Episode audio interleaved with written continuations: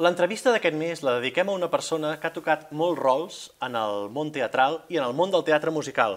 Ha participat en diferents muntatges com a actriu, dramaturga, lletrista, com a directora, com adaptadora de lletres i compositora.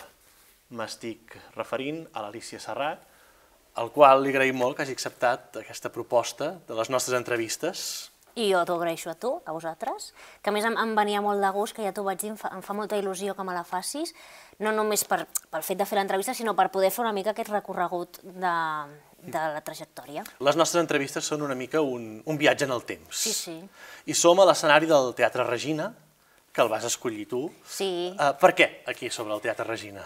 Bueno, quan em vas proposar l'entrevista i em vas dir pensa't si hi ha algun lloc en el que t'agradaria que la féssim, de seguida vaig tenir clar que la volia fer aquí, bàsicament perquè aquí és on va començar tot per mi. I jo crec que és maco tornar, quan fas sobretot una revisió de la teva vida o carrera, és maco començar des de l'origen. I aquí vaig començar, i vaig començar en molts sentits, eh, no només actuant, sinó també escrivint, i és un lloc que per mi és molt important i li tinc un carinyo molt especial al Teatre Regina. El anirem trobant ara al llarg de l'entrevista al, teatre, al Teatre Regina, perquè com va descobrir la, les arts com van arribar a l'Alici Serrat? És a dir, el teatre i la música, com van arribar? Van, agafar, van venir agafades de la mà, el teatre i la música? No, jo, jo primer tinc un, una, un enamorament del teatre musical l'any exactament, l'any 94, que és quan vaig anar a veure Germans de Sang, que és el... Jo crec que, que tothom, suposo que a més a les entrevistes ja, ja passa, no? Cadascú té com el seu... Hi ha, hi ha una obra que l'ha marcat. Que el canvia, no? Mm. Que és l'epifania aquesta famosa de esto que és, jo quiero hacer esto. I a mi em va passar amb, el, amb els germans de sang del Ricard Raguant, i vaig anar per allà per la sèrie El serial Poble Nou, que és aquell que es feia en aquell moment mm -hmm. diari, que va ser eh, tan famós, i jo vaig anar doncs, perquè sortia el Roger Pera, la Gemma Brió, l'Àngels Gunyalons, i, i vaig anar per això, perquè sortien ells. I de cop vaig descobrir el teatre musical.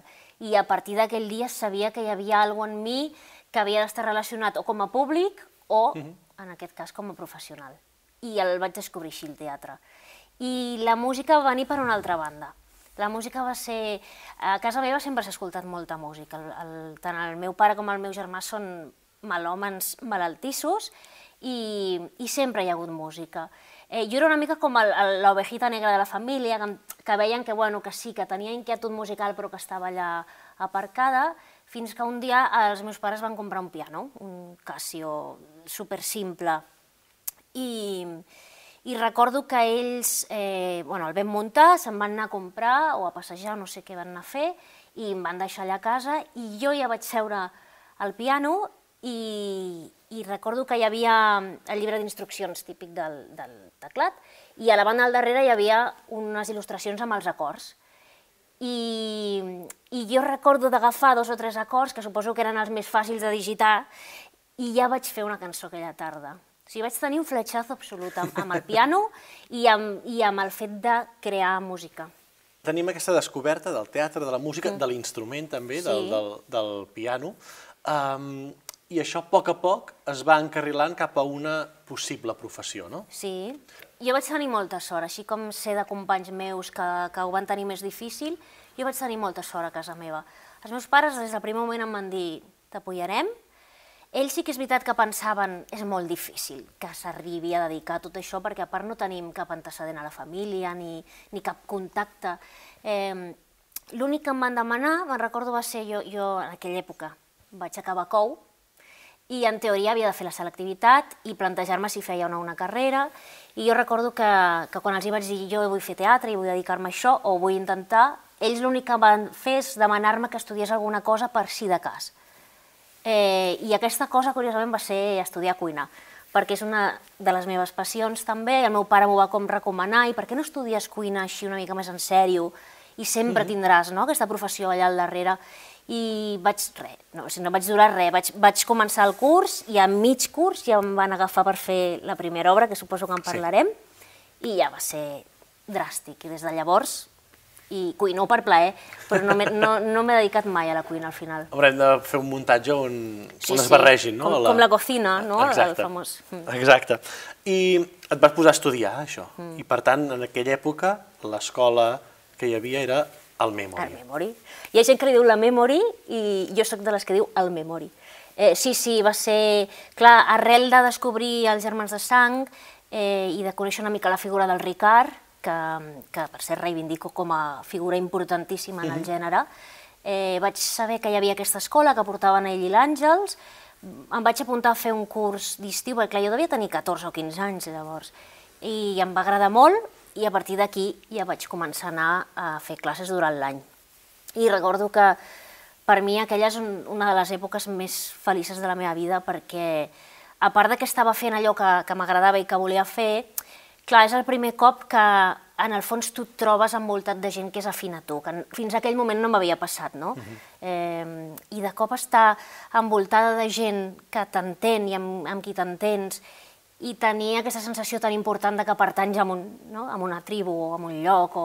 Que no estàs sol al món. No, i, i, i, i amb aquesta etapa tan delicada que és l'adolescència, sobretot, en el que tu encara t'estàs descobrint, que potser t'estan passant moltes coses i, i de cop tenir aquell espai de, bueno, això és la meva gent i la meva tribu, eh, per mi va ser un, un canvi molt, molt radical a la meva manera de ser.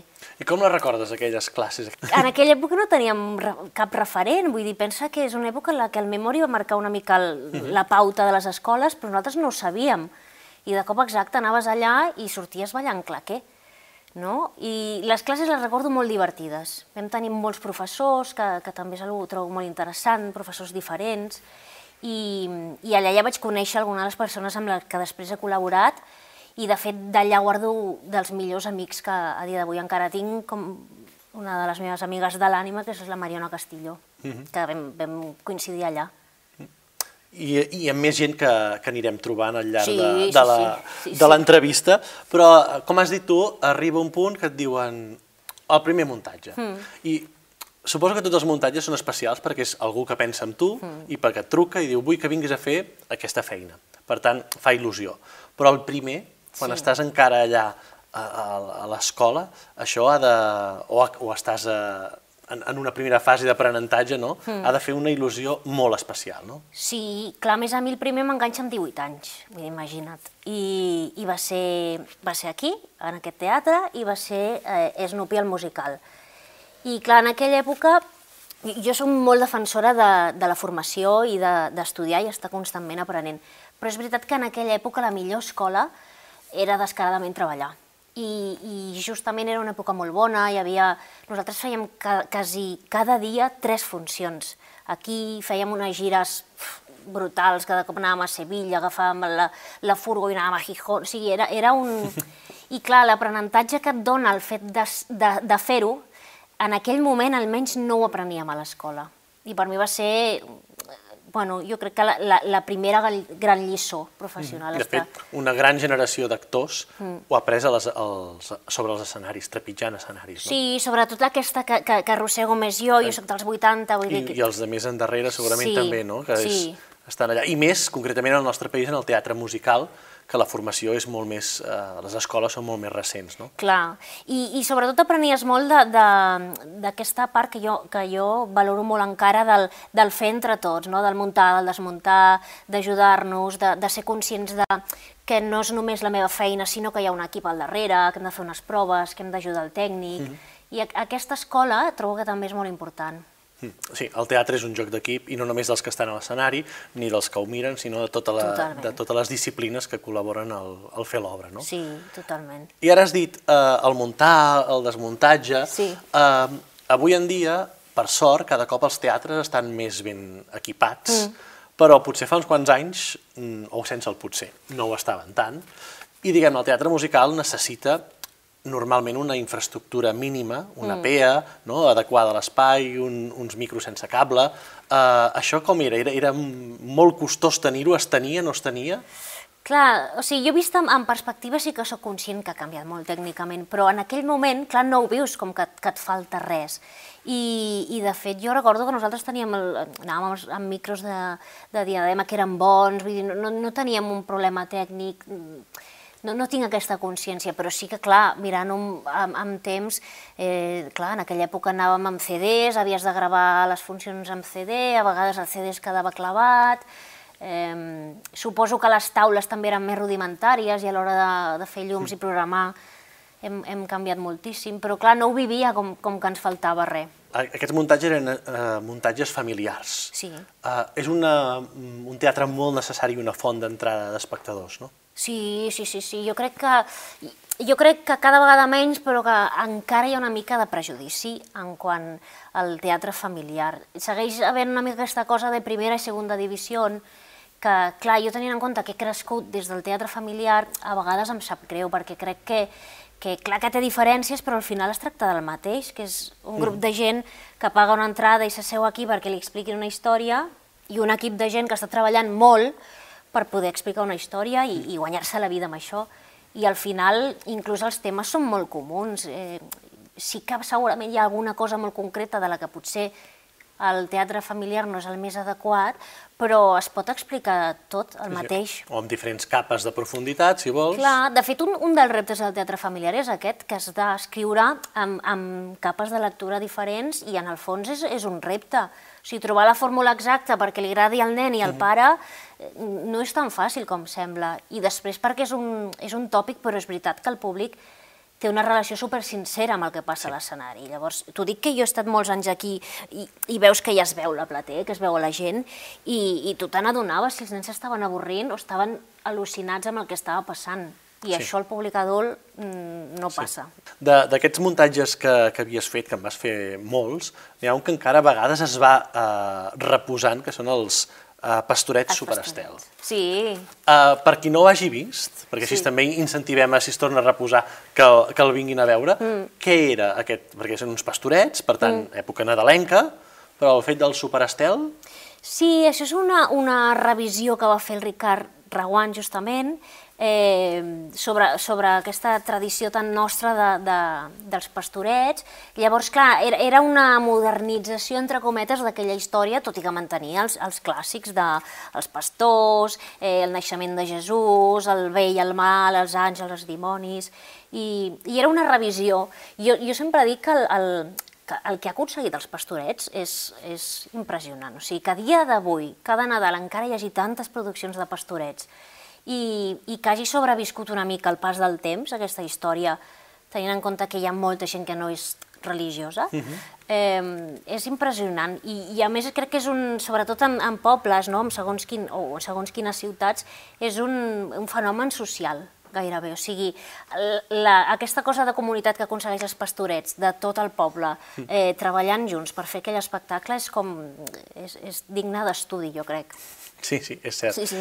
I quins papers hi feies? I tenies un paper? Fèieu tots molts papers? Sí, no, jo vaig fer jo vaig fer-ho tres, tres temporades i els dos primers anys vaig fer de pastor nen, perquè les primeres obres que feia o em feien fer d'animalet o em feien fer de nen.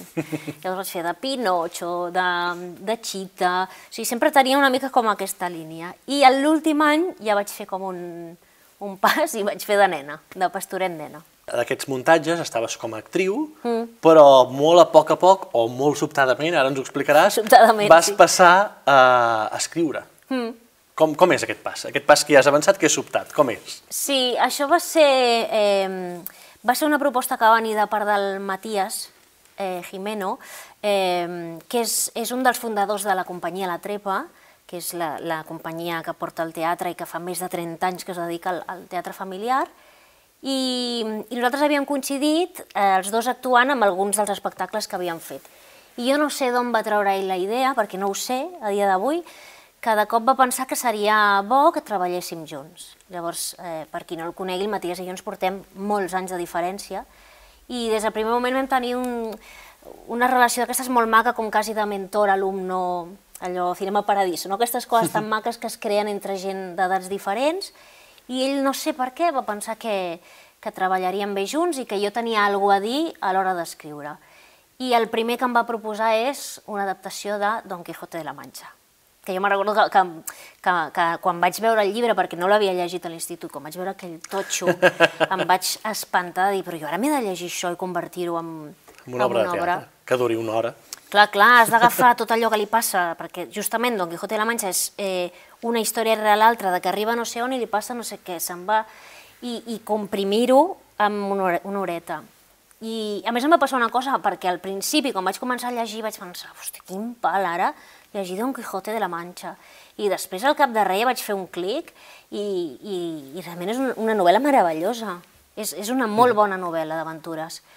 I vam fer aquest experiment, va anar bé, i a partir d'aquí vam escriure junts, mm, no, és que no sé quantes vam escriure, jo crec que mínim 7 o 8 vam escriure la dramatúrgia catalana, diguem-ne, sí. eh, no, ha, no ha cuidat gaire el, el teatre musical com a, com a dramatúrgia. No? Mm. Encara som com una mica un, una, un braç orfe de, de la dramatúrgia. Jo crec que durant una època vam tenir una mica de complex, de dir, ostres, els de fora porten molt temps fent això i fent-ho molt bé, i nosaltres, clar, estem no? quasi a, a la prehistòria de mm, i, I jo crec que, per sort, en els últims anys eh, s'ha demostrat que es podien crear productes des d'aquí de la mateixa qualitat que fora, eh, i tot i així sí que és veritat que a la figura del lletrista i sobretot de l'adaptador de lletres eh, encara està una miqueta menospreciada. Ara, ara t'ho anava a dir, dic, potser s'ha equilibrat una mica amb el llibretista, no?, com a mm. dramaturg, però el, el lletrista, que és un ofici a, a Estats Units o a Anglaterra, no? que porten sí. molts anys fent això, mm, que està molt, molt ben valorat, mm. eh, potser aquí no ho està tant, i aquí a més a més com que fem molts productes que venen de fora, per Clar. tant estan en un altre idioma, hi ha un ofici més, que és el traductor, l'adaptador de cançons, que Clar. és traductor i adaptador, perquè no ho pots sí. dir de la mateixa manera, perquè ha de casar amb les notes, mm. amb, la, amb les rimes, etc etc. I aquest segurament sí que encara no és molt ben entès, no? Bueno, jo, jo crec que sí. Una de les coses que, que jo no sé qui li vaig sentir dir, però, però afirmo bastant, que diu, no sé si potser és la Roser Batalla, és que no ho sé, eh? que si algú surt de, de veure un musical adaptat i no diu que ni està ni bé ni malament, simplement que, li, que és que s'ha fet bé la feina. I, i és veritat, eh, al final és una feina que, que per anar bé eh, t'hauria de passar desapercebuda perquè està totalment integrat amb el que acabes de veure i, i aquí s'ha perdut una mica la, la consciència de que el, les lletres d'un musical són columna vertebral. Són colum... O sigui, uh mhm. -huh. no només la música, sinó les lletres, perquè formen part de la història, és el text, eh, t'ajuden a acabar d'entendre de, el sentit de tot allò que estàs veient. I la feina d'adaptador és difícil, no, no, no és una feina fàcil, o sigui, que ens agradi no vol dir que sigui fàcil. I, i crec que sí que falta una mica de, de consciència, sobretot amb, amb una qüestió no tan econòmica, eh, sinó de... Jo tinc sensació que moltes vegades no es té en compte que, que l'adaptador també té una part artística i creativa que s'hauria de tenir en compte amb els percentatges, que moltes vegades això no es té en compte. Vam parlar una mica d'aquest tema en l'entrevista que li van fer el, la temporada passada la, a la Roger Batalla, que yeah. ha traduït molts espectacles i, i d'aquells difícils com Sondheims, no? que dius, sí, tot, i que, tot, sí. tot i que ens va dir que li és més fàcil traduir un musical d'aquests complexes, perquè diu, tens tantes idees que te'n pots quedar amb alguna. Quan a sí. vegades la lletra no diu tantes coses, diu, eh, et costa més tenir un lloc on, on agafar-te. No sé si estaries d'acord amb, amb això. Sí, jo, jo vaig veure aquesta entrevista i em, em va cridar molt l'atenció perquè ella va dir que per ella adaptar era, era relaxant. Mm va dir alguna cosa així, que, va dir això. que era com, no? com fer... Sí, sí. No sé, què, no sé si va dir ioga, alguna així. Com sí, que sí, li... sí, és el seu moment de, de, de relax. Sí, i que inclús ho fa des de, en ve de gust que tenia lletres fetes perquè sí, sí, deu, sí, deu sí. fer-ho. Clar, jo no ho visc així. Jo, jo no, no és que ho visqui malament ni m'angoixi, però no ho visc des d'una situació de relax. Uh, al revés, jo, jo la sensació que tinc quan adapto és de trencaclosques, de, hi ha no, totes unes peces aquí que han d'encaixar i jo he de fer que encaixin el millor mm. possible. Sí, sí, és un puzzle. Totalment, totalment. Llavors, quan et surt bé és una meravella i quan no és molt frustrant, però no... De, és que depèn molt. Hi ha hagut cançons que aparentment eren difícils i no m'ho han semblat, cançons que aparentment eren molt fàcils -hmm. i, i no hi havia manera de que trobés aquell estribillo, o sigui que no, no tinc... No podria dir com la Roser, no, no, quan més difícil millor.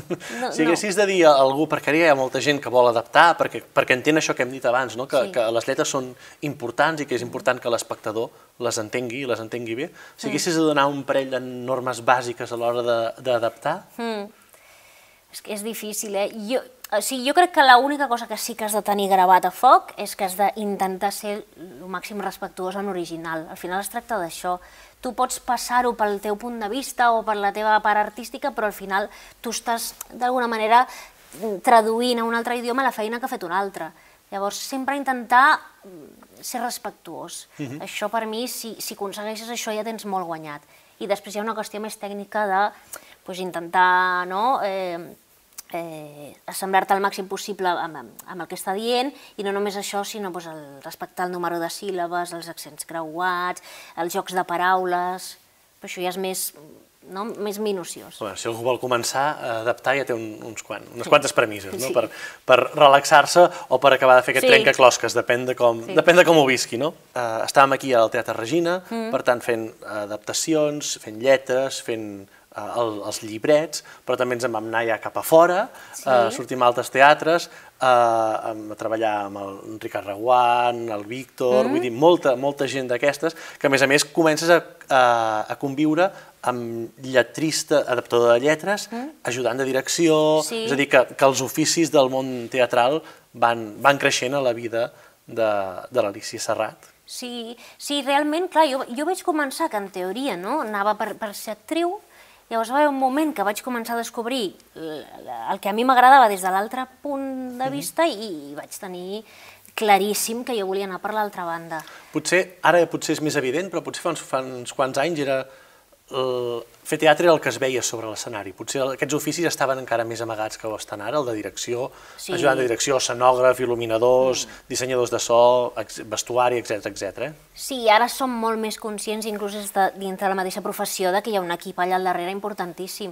Però sí que és veritat que al principi la, la sensació era que l'aplaudiment i el mèrit era dels que estaven, i, i si no anava bé també, eh? Vull dir, al final semblava que mm-hmm. l'actor tingués la responsabilitat absoluta de si havia passat alguna cosa o no. Però sí, jo, jo el, el, perquè t'estàs referint a monjites. Sí. Eh, sí, el, el fet de començar a fer diverses coses, a, a més me'n recordo d'aquell espectacle, clar, em va anar molt bé, perquè ho veia des de diferents llocs. Jo recordo que quan estàvem fent monjites, clar, a l'estar fent l'ajudantia, també podia retocar coses de l'adaptació, perquè mm. normalment és una que no, l'adaptador no pot fer, que és estar bastant als assajos per anar veient si si pot millorar alguna cosa o si hi ha alguna que no, que no acaba de funcionar. Hi ha un teatre que vas fer una cosa que ja no existeix, que és l'art en brut. L'art en brut. Sí, que a més està relativament a prop d'aquí, bueno, estava, clar. Sí, el Teatre en Brut tenia un encant, eh, era un lloc Mm, bueno, no sé, a mi em sembla que tenia alguna molt especial aquell teatre. Sí, allà vam fer... El 2002, que era amb, amb una persona que potser estava molt vinculada al, al Memory, no? en, sí. eh, escrita per en Ferran González, sí. que el trobarem més endavant també. Sí. Ja l'hem trobat, de fet, sí. eh? perquè abans ja l'Snoopy, el primer espectacle on jo vaig debutar, ell, la primera que ell també va debutar i ens vam, ja vam coincidir aquí mateix, de fet en, en aquesta sala que hi ha aquí al darrere ens esperàvem juntets a que ens toqués sortir a fer les escenes, sí. Sí, allà vam estrenar Pijames, que és Exacte. la primera obra de text, no era musical Pijames, que escriu el Ferran, i, i va ser, com moltes de les coses que hem acabat fent, va, va ser fruit del, de la casualitat i de les ganes de fer alguna cosa junts. I jo diria, si no me'n recordo malament, que, que devíem estar fent alguna aquí, perquè jo tinc el record del bar que hi ha aquí davant del Regina de llegir escenes de, de pijames. Llavors ell venia, i com que escrivia, i venia i m'ensenyava, mira, he escrit aquesta escena, he fet això. I un dia li vam ensenyar al Víctor Conde, que és una de les altres figures també importants a, a la meva vida i, i a la meva carrera. I li vam ensenyar aquell material, li va agradar molt i ens va proposar, escolta, i per què no ho tirem endavant això junts, ens ho produïm nosaltres, que ho vam fer amb quatre duros literals, i, i ho vam estrenar allà. I és la primera, és la primera vegada que el Ferran d'alguna manera es desmarcava com a autor i ja és una obra que ja tenia totalment el segell que té el Ferran de, de sentit de l'humor i, i d'aquesta creativitat que té el Ferran tan personal.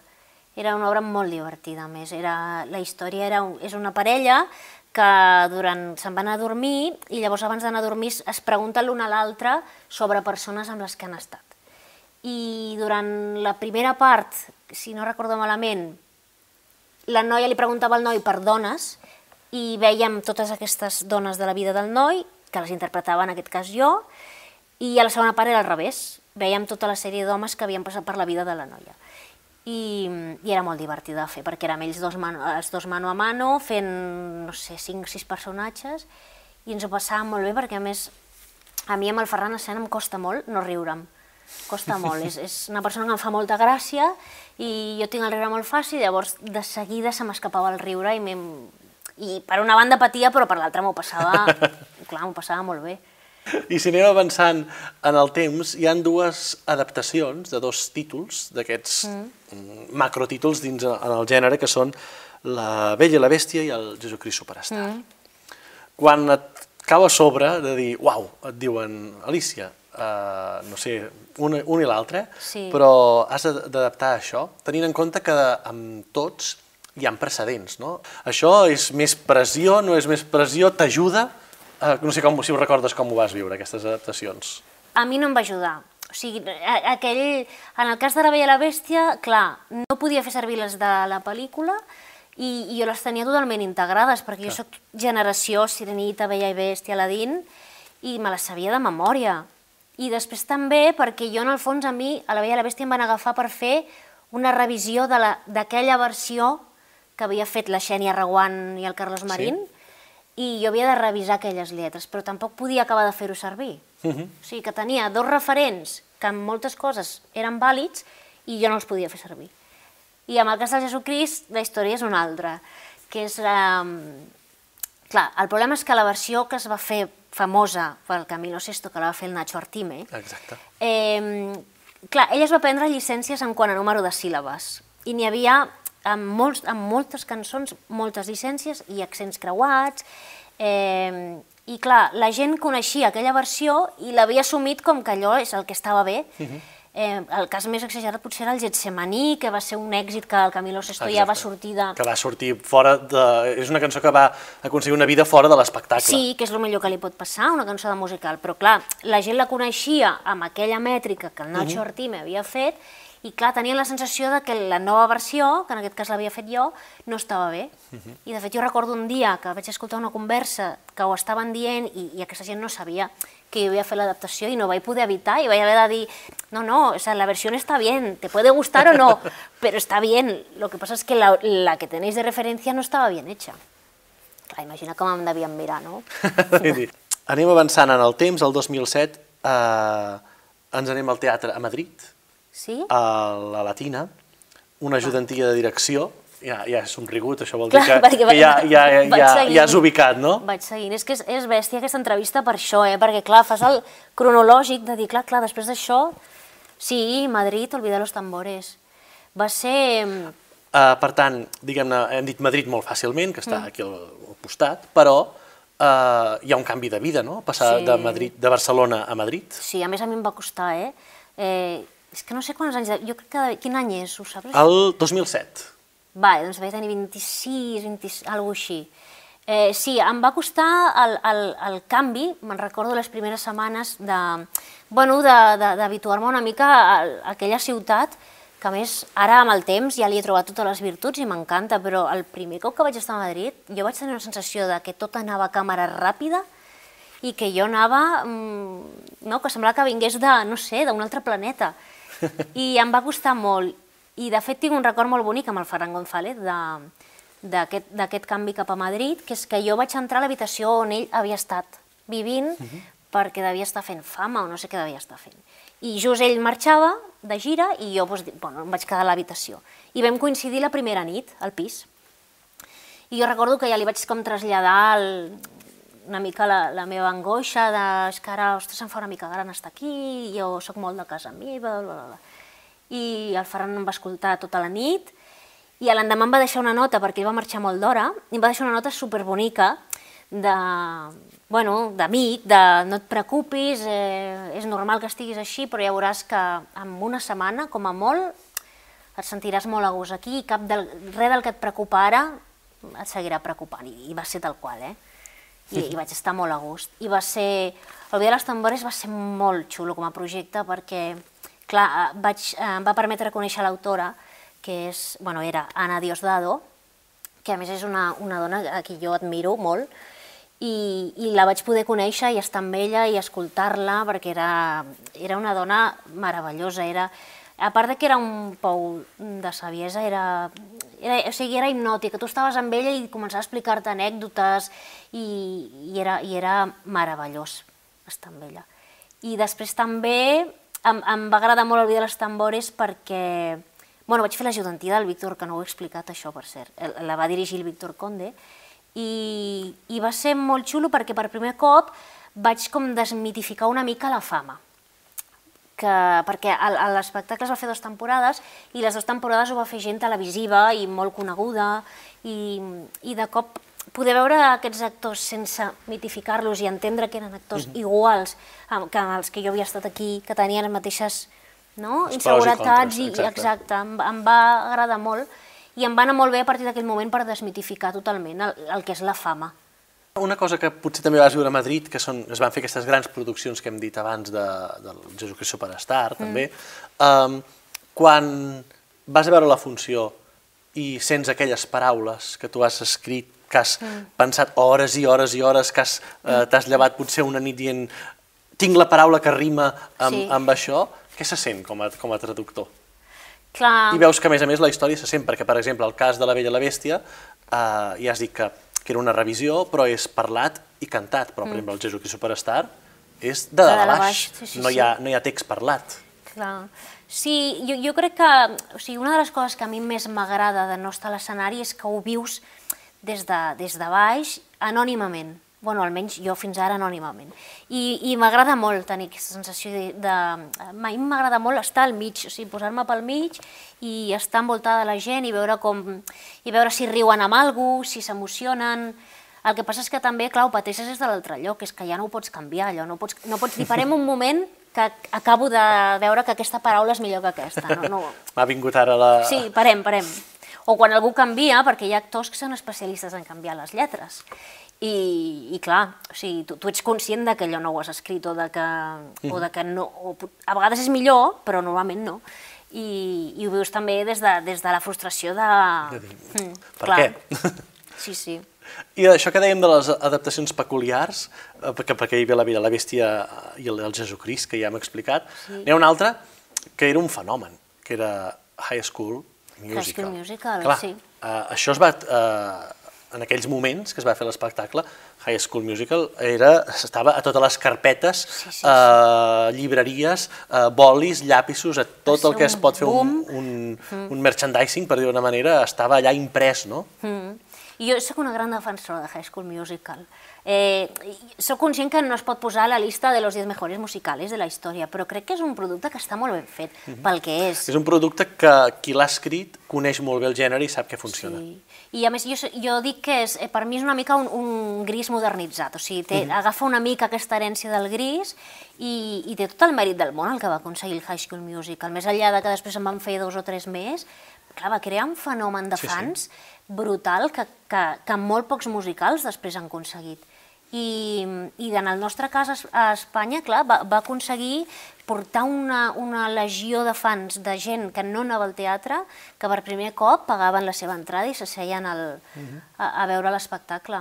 Però sí, sí, el fenomen fan era, era bèstia, eh? Clar, a més a més, el, el, els fans se sabien les cançons, Sí. se sabien les cançons en anglès, Clar, passen a saber-se-les eh, en, en castellà.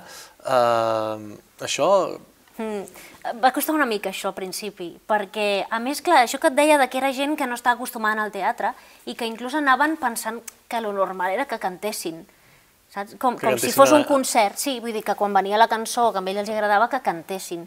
I, i, i clar, al teatre això no, no es fa. I al principi va costar una mica perquè això, perquè ells es coneixien la cançó en anglès, perquè estaven subtitulades però no, no s'havien adaptat. Llavors, per sort, Stage va fer una cosa molt intel·ligent, va treure el disc i, i, el, va, i el va penjar, suposo no sé si existia Spotify, però bueno, a dia d'avui hi Estava. és. I llavors, amb una miqueta de paciència, el, els fans van traslladar la, la seva admiració cap a la pel·lícula i la van portar a aquell repartiment, Cap al repartiment. del teatre i llavors ja es van aprendre les cançons i ja, la, ja les, les van acceptar. Mhm. I aquell high school per això va tenir una generació molt bèstia.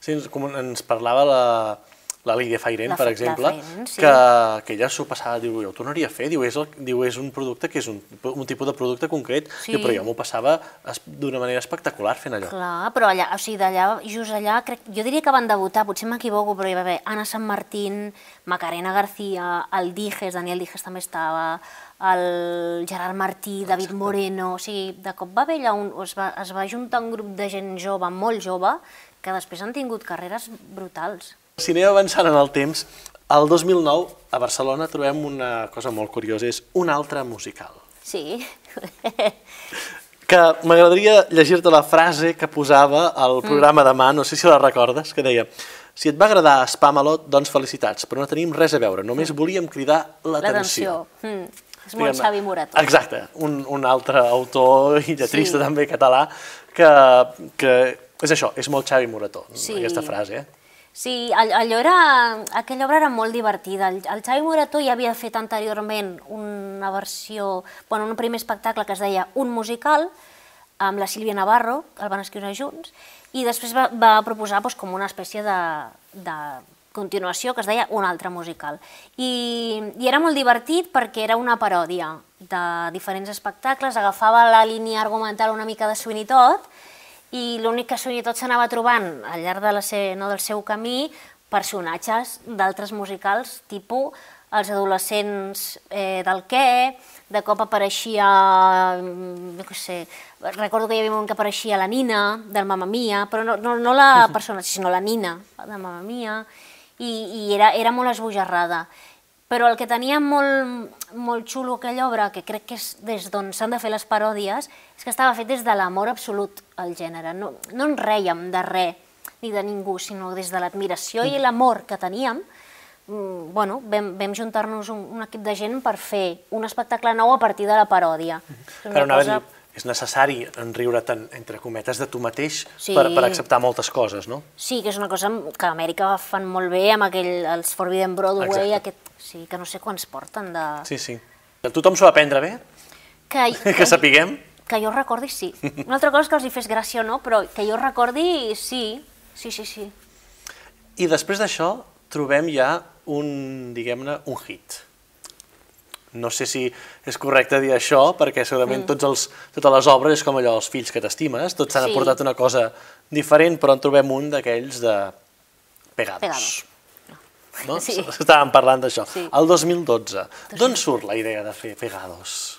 Doncs això és una idea del Ferran González, que va llegir la notícia, la, la notícia en la que després es va basar d'una parella que durant l'acte sexual es queda enganxada físicament i no es poden separar.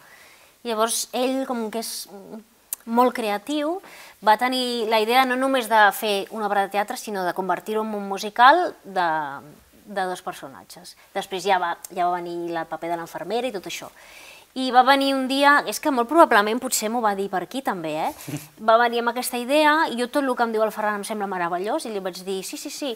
Em va dir si em venia de gust composar alguna cançó amb ell i, i, i va, va sortir d'aquí la idea, d'una notícia. I això va ser un, un èxit. Però va ser un èxit des del principi, No, que va. Va, va ser... O sigui, jo recordo, nosaltres vam perquè, estrenar... perdona que et talli, però si ara diguéssim, possiblement a, amb a alguna productora fem pegados, Sí, hi posarien alguna pega, segurament, però mm, hi confiarien en aquest espectacle per, per tota la trajectòria que té. Sí. Però potser no saben, no?, això, que al principi, doncs, això no, no Clar. va anar tan bé, no? Bueno, clar, nosaltres, sigui, vam, vam aparèixer de la nada una mica. Llavors, el, el que t'anava a dir és nosaltres vam estrenar un 2 de febrer i a l'endemà van venir 11 persones al Teatre Almeria, això. I, el, i potser el, el dia següent 17, vull dir que durant unes setmanes mm, venia molt poqueta gent. El que sí que vam notar mm, gairebé des del primer dia era que la gent, i sobretot la gent de la professió, valorava molt l'espectacle. Valorava molt que fos alguna mica diferent, que fos fresc, que fos original. Eh, I llavors la professió, així com amb altres espectacles no tingut la sensació, va recolzar Pegados al 100%. I en aquest sentit sí que va ser un èxit. Llavors, després, bueno, va, va ser bola de neu, o sigui, va començar a fer gran, ens, ens van nominar als Butaca, eh, vam guanyar el Premi Max, vam anar a Madrid, eh, vam fer una segona temporada, vull dir que l'espectacle va anar creixent i, i de fet va fer el salt internacional en, molts països i de fet l'any que ve, en principi si tot va bé, és possible que hi hagi un Pegados Itàlia, un Pegados Uruguai, un Pegados, ojalà, Londres, vull dir que està, és un espectacle que a dia d'avui segueix Mhm. viu. I això com es viu? Com a coautora també de l'espectacle?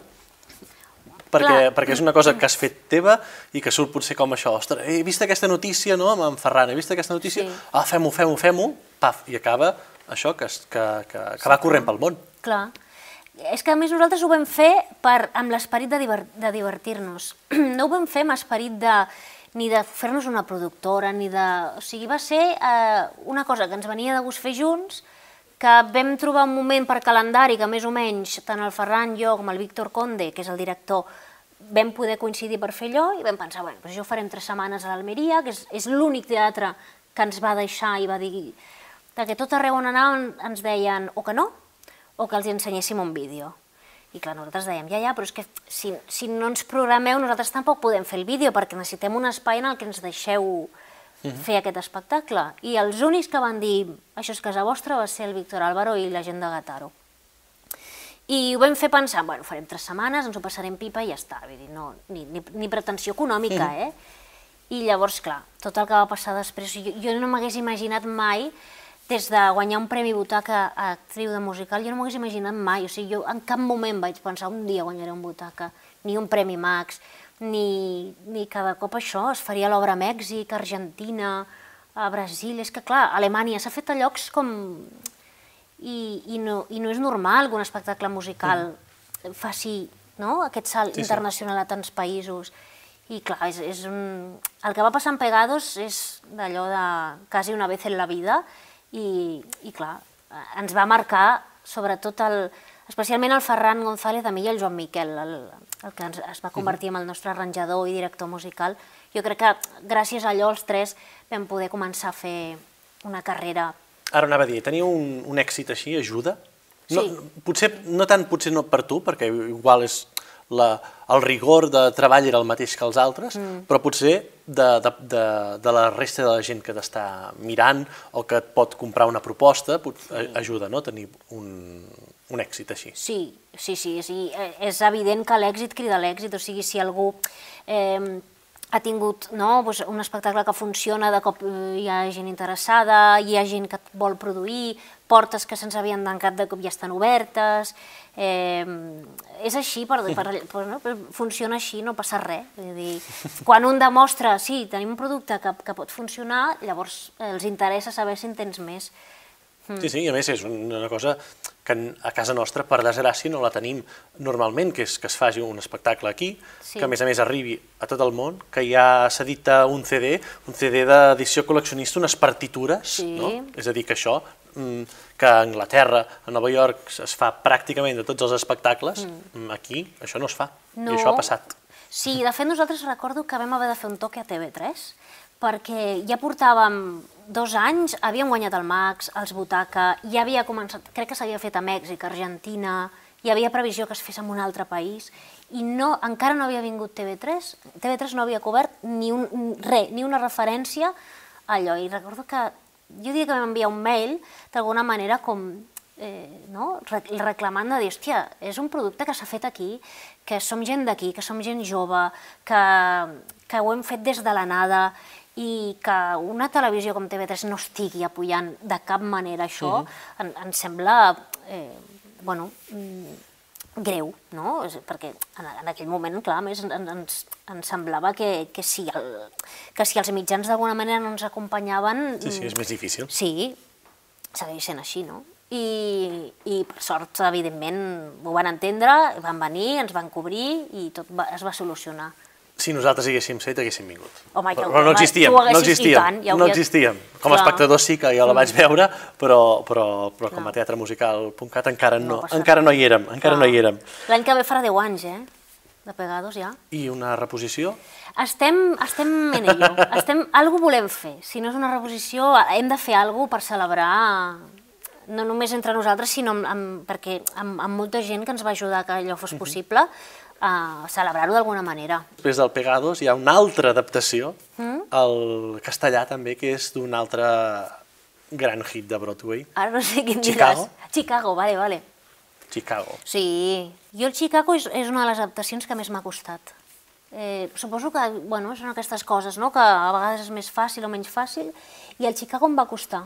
Va costar. Després, quan ja ho havia aconseguit, em vaig disfrutar molt, perquè per això que et deia de repte, de puzzle, de cubo de Rubik, quasi, de... Però, però sí, és un espectacle que em va costar. Mm. Home, és un espectacle que les lletres són molt, allò que dèiem abans, eh, són molt importants per la història. Sí, i des, hi ha molts jocs de paraules, hi ha moltes coses, conceptes que, que havia d'investigar, però això què es refereix exactament, no? I mm, sí, sí, sí, el que passa és que l'espectacle és meravellós, Chicago és, bueno, jo soc... Mm. És que he tingut sort perquè tots els espectacles que he fet l'adaptació m'agradaven molt abans mm. de fer-la. És un dels meus musicals preferits, a més. Un altre musical que, que va arribar aquí, també estava a Madrid, i que va tenir un, un cert ressò és el Mierda de Artista. Mm. Per si algú no l'ha vist, perquè a vegades aquest mitjà Sí. format, eh, malauradament, per allò que dèiem, les televisions, eh, perquè es fan temporades més curtes, la, molta gent se n'assabenta quan ja quasi bé està a punt de, de, de plegar. Com li definiries?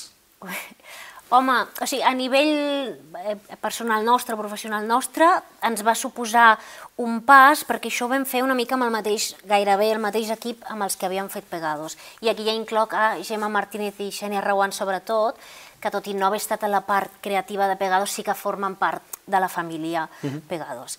I va ser un pas més a nivell de producció, de, de, de format, vam passar això del petit al mitjà, i ens va servir també com a aparador eh, perquè vam estar programats al grec, al canal, i, i, i en el meu cas va ser el primer cop que vaig fer una direcció eh, des de zero i amb, amb, amb una mica de, no, de, d'una producció amb cara i ulls per poder fer la meva feina.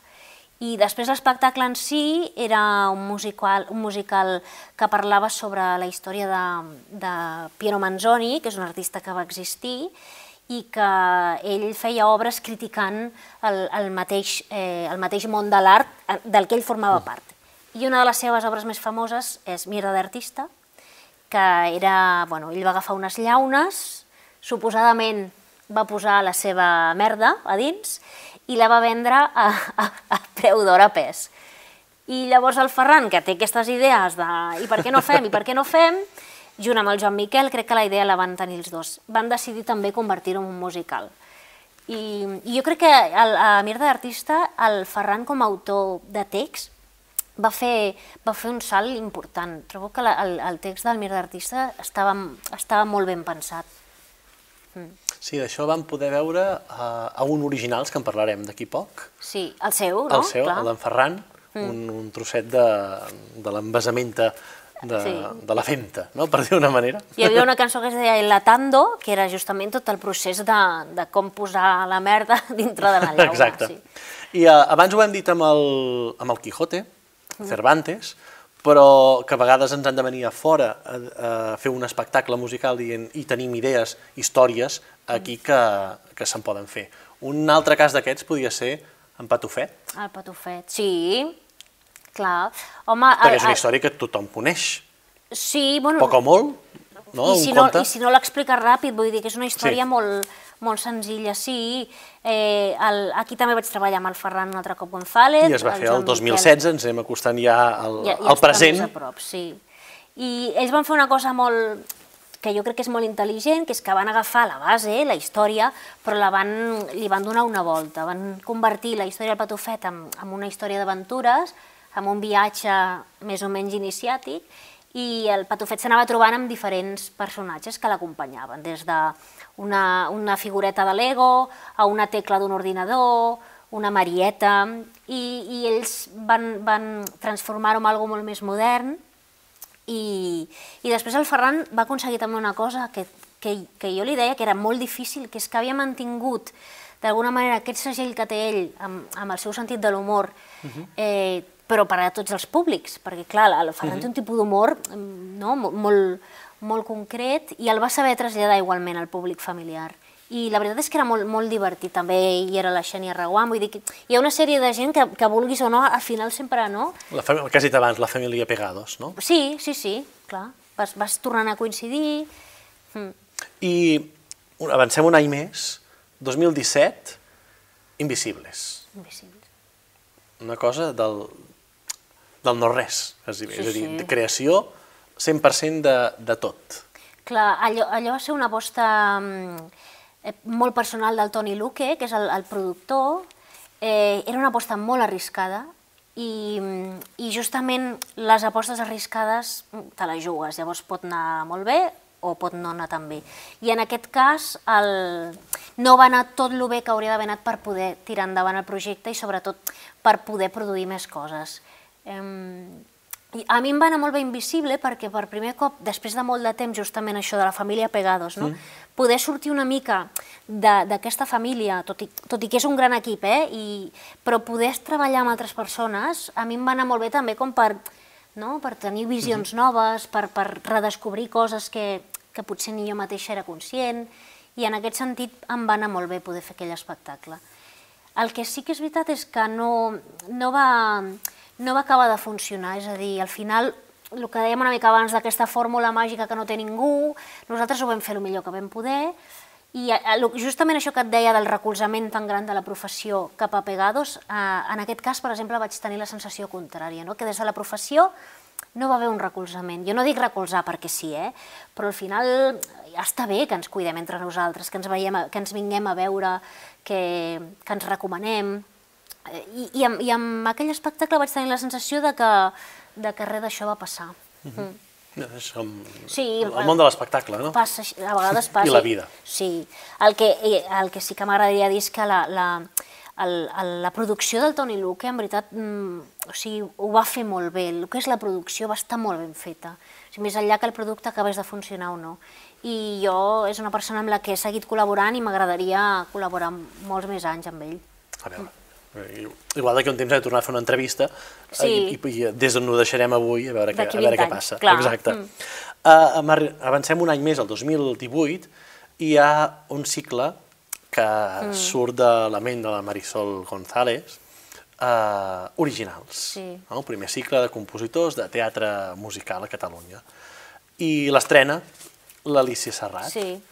Um, primera pregunta, potser encara hi havia molta gent que només t'ubicava en el món de, de les lletres, no en el món de, no darrere del piano, que l'hem descobert al principi de l'entrevista, no? que, que des de que et deixen sola a casa Sí, i comences a, a, a tocar el piano, no?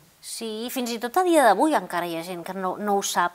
I, i, I en Pegados passa que, mm, no sé per què, la gent, molta gent va decidir que la música l'havia fet el Ferran i les lletres les havia fet jo. I no és veritat, o sigui, a Pegados ja hi ha cançons composades amb música i lletra per mi. Eh, sí, aquell cicle va ser perquè la Marisol González té això, que és que de cop et ve i et proposa una cosa i, i, i no li pots dir que no. I em va proposar això, jo li vaig dir que sí, i, i de cop em vaig veure presentant en un concert eh, cançons que sí que havien format part d'espectacles, però sobretot molt material que no, que no havia sortit a la llum. I, I el cicle en si trobo que va ser molt acertat i va ser, a part de que va ser un èxit, perquè mm -hmm. totes les, tots els concerts van exaurir, em va semblar un, un pas endavant eh, a reivindicar una mica l'autoria la, la, d'aquí, que una mica el d'abans del, del complex, de dir, hòstia, hi ha gent, ja no parlo per mi, eh? però vull dir, Hi hi ha ha, hi ha compositors aquí que tenen molt talent, que han fet moltes coses i que en podrien fer moltes més si algú els acompanyés. Mhm. Sí, sí. La producció és aquella assignatura pendent que encara tenim. La producció de la creació Sí. original, sobretot, sí. exacte. Mm. Um, que a més a més a originals vas estar en el teu originals, Sí. però també uh, en el de Ferran. Sí, d'alguna manera, sí, sí, sí, vaig fer com un... Vaig, li vaig donar un cop de mà amb quatre coses de la direcció i després em, em va enredar perquè fes el pregón del principi, que el que va fer el Ferran amb els seus originals va ser divertidíssim perquè jo crec que cada autor li vam donar una personalitat al concert i ell d'alguna manera va fer un show, o sigui, va escriure un espectacle a partir de coses que li havien passat a la seva vida i, i va fer el recorregut així, com si fos un, un espectacle, va ser, va ser molt divertit. Una d'aquestes coses que tampoc que vas poder dir que no, de la Marisol, i que es veurà d'aquí poc, serà l'amor per amor. Sí. Sí, això és un projecte molt, molt especial. És especial com, com neix, per primer, no? Per començar, que és la Marisol escriu a les seves xarxes socials, fa un post sobre un concert que s'ha fet de duets no sé si Broadway o West End, i en un moment donat ella fa la reflexió de i per què no fem nosaltres alguna així, agafar cantants de musical d'aquí, duets de musical, fer un concert i que els beneficis siguin per una entitat que ho necessiti. Mm. I ella innocentment va fer un, bueno, qui s'apuntaria a alguna així? I l'èxit va ser brutal. Va començar a, a implicar-se molta gent, eh, molts, o sigui, de, de fet, de seguida la llista ja es va omplir, i jo recordo que ja portaven unes setmanes i jo li vaig escriure no amb la pretensió de dirigir-ho, perquè pensava que allò ja tenia director, si no li vaig posar qualsevol cosa que necessitis, m'ho dius. Bueno, si vols una lletra o... Llavors ella va respondre de seguida, em va dir, vols dirigir-ho? I li vaig dir que sí, i des de llavors l'Amor per Amor s'ha convertit en, en, en un dels projectes com més especials el, el, cada any el, el, el, en la meva vida, més que professió, quasi. I, i a més, és, és és molt curiós perquè el primer any va coincidir, i això no ho sap molta gent, eh, va coincidir que el meu pare estava eh, fotut de salut, en un moment molt delicat, i, i jo recordo que hi havia un moment que em vaig plantejar si feia o no el concert perquè la situació estava molt delicada i en qualsevol moment podia passar una cosa o una altra. I recordo que vaig vaig pensar, eh, sí, sí que ho faré, perquè ho podré fer, perquè no passarà res, i perquè m'anirà molt bé poder fer això. I, I va ser així tal qual. El meu pare es va recuperar, tot està bé, i, i, i en aquell moment em va, em va servir molt poder estar fent aquell concert i pensant en altres i no, i no tant en el que em passava. I després, bueno, tu que hi has estat, és una nit molt especial perquè al final ens reunim gent de la professió, que tampoc, el món del musical tampoc és tan gran, uh mhm. -huh eh, ens acabem coneixent tots i ens reunim durant una nit, tothom fa el que sap fer i ho fa de manera altruista, ho fem per una bona causa i a sobre pues, ens ho passem superbé. I, i res, d'aquí res farem tercera edició. tercera edició. Si tot va bé farem l'any que ve una altra. Cada una saps que té una mica una temàtica, sí. llavors mm, tenim ja tenim dos o tres pensats. Aquest any de moment cine, cinema, cinema. Sí. No anava a dir cinema musical, no, cinema. Cinema sí, sí, sí, hi ha, hi ha moltes... Que hi ha repertori per parar un tren. Sí, hi ha, ja, ho, ja ho veuràs, hi ha un, moltes cançons, eh, bueno, èxits de cop. Dius, hosti, és veritat, aquesta cançó, aquesta pel·lícula, mm, i tenim un, un cartell brutal. Vindrem, allà estarem, allà estarem eh, a, a veure-ho, i de fet, el de la segona edició eh, està tot eh, penjat, eh, sí, a la, gravat a la, a la web sí, sí, de teatremusical.cat per si algú dubta si ha d'anar o no hi ha d'anar, eh, allà podrà decidir-se que hi ha d'anar. Uh, aquests últims temps t'hem vist fent moltes coses. Mm -hmm. Una, per exemple, uh, participant a la gala Catalunya aixeca el taló. Mm, sí, allò és, allò, és, allò és una aventura, eh? Clar, jo era el primer cop que feia alguna per televisió.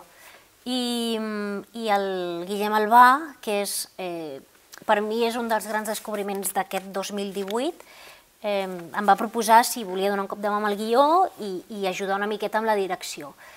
Eh, llavors, clar, mm, viure tot el procés del que és aquella gala, que és en directe, uh -huh. eh, és impressionant, o sigui, la, el nivell d'organització que hi ha d'haver allà al darrere, eh, i que tot funcioni, que tot estigui bé, és, realment és una aventura. I jo recordo que ens van dir que no podíem entrar i sortir perquè les càmeres estan gravant, no? I jo no ho podia evitar. Jo havia d'entrar constantment i sortir perquè necessitava veure-ho des de dins, a veure que tot... i sortia per veure la reacció des de fora. Llavors em vaig passar tota la gala entrant i sortint a veure, a veure com els dos punts de vista. No? Una altra aventura és que has col·laborat amb la Clara Peia, sí. amb els seus discos, no? Sí, el, el, ja, ja, bueno, he col·laborat a tres i, i, i en veritat cada col·laboració té com per si sol el, algú curiós i bonic. I a la primera col·laboració que vaig fer va ser el disc, un disc que es diu Tot aquest soroll, diria, que no sé si soroll o silenci, però bueno, tot aquest soroll, llavors vaig fer una cançó en la que jo d'alguna manera explicava una història eh, sobre una relació que havia estat important per la Clara i que, eh, que, que havia suposat una ruptura i un distanciament. Al següent disc, la segona col·laboració, escric una lletra sobre més o menys el mateix tema, però que m'havia passat a mi, o sigui, des de, des de la meva perspectiva. I l'última col·laboració que va ser el Oceanes, uh. -huh. que és un disc de la Clara molt bonic perquè és un disc en el que ella fa un homenatge a dones de la seva vida que han, que han estat importants per ella. i llavors em va dir, és que m'agradaria demanar-te que col·laboressis, però clar, no té molt sentit que tu parlis de, no, de, de la teva mare, jo què sé. I llavors li vaig dir, vale, però i si jo parlo de tu? O sigui, si jo et faig el meu homenatge a tu amb la lletra? I, i llavors l'última col·laboració va ser aquesta. Al, al nou disc no hi ha col·laboració, però perquè és que jo crec que la Clara Peia, a part de, de ser una pianista excel·lent i compositora brillant, és que s'està convertint en una lletrista, mmm, crec jo, de lo millor que, que tenim aquí. Jo que m'hi fixo molt amb les lletres, i de fet connecto abans amb les lletres que amb la música, eh, trobo que la Clara mm, és això, vull dir, ha, ha fet una evolució com a lletrista impressionant. També hi ha una cosa que no hem dit, però que s'ha anat barrejant mm. paral·lelament en aquest últim temps, que és la pedagogia mm. teatral. Sí? Sí. Que això quan ho parlàvem off the record deies jo no hauria dirigit igual, mm. i això ens ha passat amb molta gent que, que dirigim, molta gent que ha dirigit, que, que les classes, evidentment, et donen un bagatge eh, perquè has d'arribar a aquell alumne i a aquell li arribes per aquí, l'altre li has d'arribar al revés, per tant et donen moltes armes no, per entendre l'escena i per moltes sí. més coses, no? És a dir, que tu ensenyes, però ells també t'ensenyen, no? Sí, sobretot també, eh, una de les coses que m'adono que m'ha donat és això, la, la psicologia d'entendre eh, com és cada persona, què necessiten, què els està passant. Eh, sí, jo, jo crec que és que, eh, bueno, una mica el que tu dius, o sigui, al final jo crec que aprens més tu gairebé que els alumnes i jo estic eh, com a professora a aules i estic al, al curs de tercer de, de formació, que justament el, el tercer consisteix en, en crear, en, en, en muntar una, un espectacle, no original, sinó algun títol conegut i es munta. Llavors, clar, en el fons, és, vulguis o no, estàs reproduint el, el procés que ja, que ja faig professionalment, que és muntar alguna cosa amb una gent i, i ensenyar-ho a un públic. I, i després també eh, Uh, estic a SCAC, que estic donant unes classes de, de guió, i també em passa el mateix, o sigui, gràcies a que jo ensenyo als alumnes coses que detecto des de fora, després a, a, també m'ho puc aplicar jo, mm. que al final és com aprens més. Sí, sí, una mm. mica tancant el cercle aquell que abans s'aprenia a l'escenari, ara ja, eh, per sort, les escoles eh, estan molt preparades amb, amb molts professors eh, que han mm. estat molt de temps sobre els escenaris, o davant mm. o al darrere, però que hi poden explicar i portar eh, les seves experiències als alumnes, no? Clar, sí, home, jo crec que, que, que justament, o sigui, tenint en compte l'important que va ser el Memori en aquell moment, i d'allà van sortir generacions mm, mhm. que a dia d'avui treballen um, i que són molt importants. Però és veritat que també hi ha hagut una evolució en els estudis. I, i clar, el fet de poder estar eh, fent classe, això, no? amb professionals, amb gent en actiu, eh, que després també et serveixen com a no? com a vincle d'aquestes mateixes classes sorgeixen productes o mm. te'n recordes d'aquell alumne per fer allò sí. i crees un, un teixit sí, sí. Mm, professional. Ens saltem un, fem un salt en el temps per deixar una trilogia pel ah. final, uh, però vull dir que les últimes coses que, mm. que hem vist tenen unes uh, adaptacions mm. i traduccions no, de Hotel Transilvània 3 sí. i el Smallfoot. Smallfoot, sí. Sí, això és una, una, una aventura que, que m'arriba una mica gràcies al Xavi Torres, que és una cosa que a més jo sempre havia volgut fer. Sempre que veia pel·lícules d'animació i veia que s'adaptaven, pensava, hosti, algun dia ojalà pugui fer jo l'adaptació. I, I clar, dintre de que és el, semblant al que jo faig, no? però clar, a sobre li has d'afegir la dificultat de la, de la boca. dels labials, exacte, de, de, de no només has d'intentar respectar l'original, sinó que a sobre has d'intentar que la vocal que se suposa que el personatge està dient coincideixi amb la que tu poses. O sigui, encara és, aquest encara és puzzle més, més bèstia. Però després és molt gratificant, clar, tu vas al cine i de cop... Eh, I a part té aquesta cosa que no té el teatre de, de que sí que perdura en el temps. Sí. Clar, allò ja està, vull dir, té el Transilvània 3, si jo vull l'ensenyaré a la meva neboda o als meus sí, fills sí. eh, d'aquí uns anys. Sí, sí, sí. Mm. El cine és allò que queda sí. per sempre. Um, I tornem a això que ens hem saltat per acabar, aquesta mm. trilogia de l'amor, no sé si en podem dir així, que se n'han sí. fet dues, arriba la tercera, i que passarà una cosa, no? que, que tornaran les altres dues sí. per fer, perquè l'espectador pugui veure les tres si no les ha vistes, no? Sí, això és un, clar, és un projecte de, de, de tots els que hem parlat, potser junt amb Pegados, clar, és el, el més personal, perquè això neix d'una proposta de l'anglès, eh, quan jo just començo a treballar a l'escola, que ell té, que aules, i em proposa eh, crear un espectacle original junt amb el Marc Sambola, amb el compositor Marc Sambola. Ens dona com un punt de partida d'una història, d'uns prínceps, eh, un parell de clàssics eh, en els que ens podem basar, i el Marc i jo doncs, escrivim un espectacle. I, I el que va passar és que va anar molt bé. Va funcionar molt bé, va agradar molt, el, el vam presentar al Maldà, ens van prorrogar aquell estiu, i llavors un dia parlant amb el És el Dani... per si no ens tornem a veure. El per si no ens tornem a veure. Parlant amb el Dani, eh, sorgeix la possibilitat de, bueno, i l'any que ve podem fer el mateix invent, podem fer alguna junts. Eh, I aquí ja, ja surt aquesta idea de i si ho convertim en una trilogia, és a dir, amb, amb, amb tres espectacles que parlin sobre l'amor des de punts de vista diferents i llavors jo li vaig proposar, i si cada un té un compositor? Perquè això d'al- d'alguna manera li donarà una personalitat a, cada, a cada musical. Llavors el, la d'aquest any passat la va composar el Miquel Tejada, El, tot el que no ens van dir. tot el que no ens van dir. Si tots els títols tenen... De fet, a, a vegades es confonen. I ara arribarà la tercera, que és amb música de Dani Campos. És el temps que no tindrem. El temps que no tindrem. Sí, sí, sí. sí. I què, què hi haurà en el temps que no tindrem? Doncs hi Sense haurà... fer spoilers. No, hi, ha, hi haurà una miqueta el que no han tingut les altres dues. És a dir, la primera parlava d'aquesta visió de l'amor romàntic ideal, de prínceps, de princeses i el destí, i que estem no, fets per una persona. La de l'any passat parlava l'altra cara de la moneda total, és a dir, que no sempre l'amor és fàcil, ni surt bé, ni arriba en el moment adequat. I clar, plantejant-me, i què faig a la tercera? Perquè d'alguna manera he fet no, la cara i la cruz, vaig pensar que em venia molt de gust parlar del, del, de l'amor familiar, que per mi és el, el, realment és l'amor que t'acaba definint. Jo crec que l'amor familiar et defineix després inclús eh, l'amor romàntic, és a dir, la manera en com t'ensenyen a estimar t'acaba no? t'acaba t'acaba fent adult. I ara anava a preguntar, eh, en algun d'aquests espectacles hi ha alguna cosa molt de l'Alicia Serrat amagada per allà? Sí, en els tres, en el fons, en els tres. Jo crec que, eh, o sigui, me n'he donat que en veritat escric, eh, necessito escriure coses que necessito curar, o que necessito treure, o que necessito compartir. I de fet, en els tres hi ha alguna que, no exactament el que explico, però sí que hi ha alguna que és, és personal. I en aquest tercer, per exemple, sí que sí o sí he hagut de revisar mm, com, com, com quina relació tinc amb la família.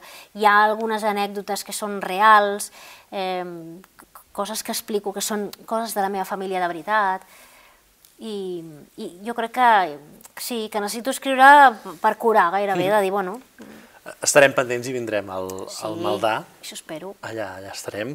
I sempre acabem amb una bateria de preguntes ràpides, que a vegades són ràpides de dir, però no de pensar-les mm. o de respondre-les, que són...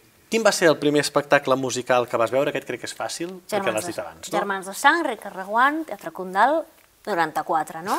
Any 94. Molt bé. Una peça, si t'haguessis de quedar amb una peça de teatre musical, una cançó. Amb una cançó. Mm, jo diria Pegados, algo de Pegados. Eh, la canción del final, per exemple. Un autor, si t'haguessis de quedar amb un autor. Ferran González. Sí, sí, sense dubte. Un record que t'hagi donat el teatre musical d'aquells que, són, que no es poden borrar. Mm. Jo et diria un que vaig tenir fa relativament poc, que va ser el concert d'originals, que més tu hi eres. Que va ser... Mm, jo no sé si te'n recordes, vaig sortir, vaig sortir sola, vaig seure al piano i llavors em vaig girar i vaig mirar, vaig Sí. fer un barridor de qui hi havia. I, I recordo que hi havia gent que sabia qui seria, però després hi havia gent que no, no sabia qui serien i em va fer molta il·lusió.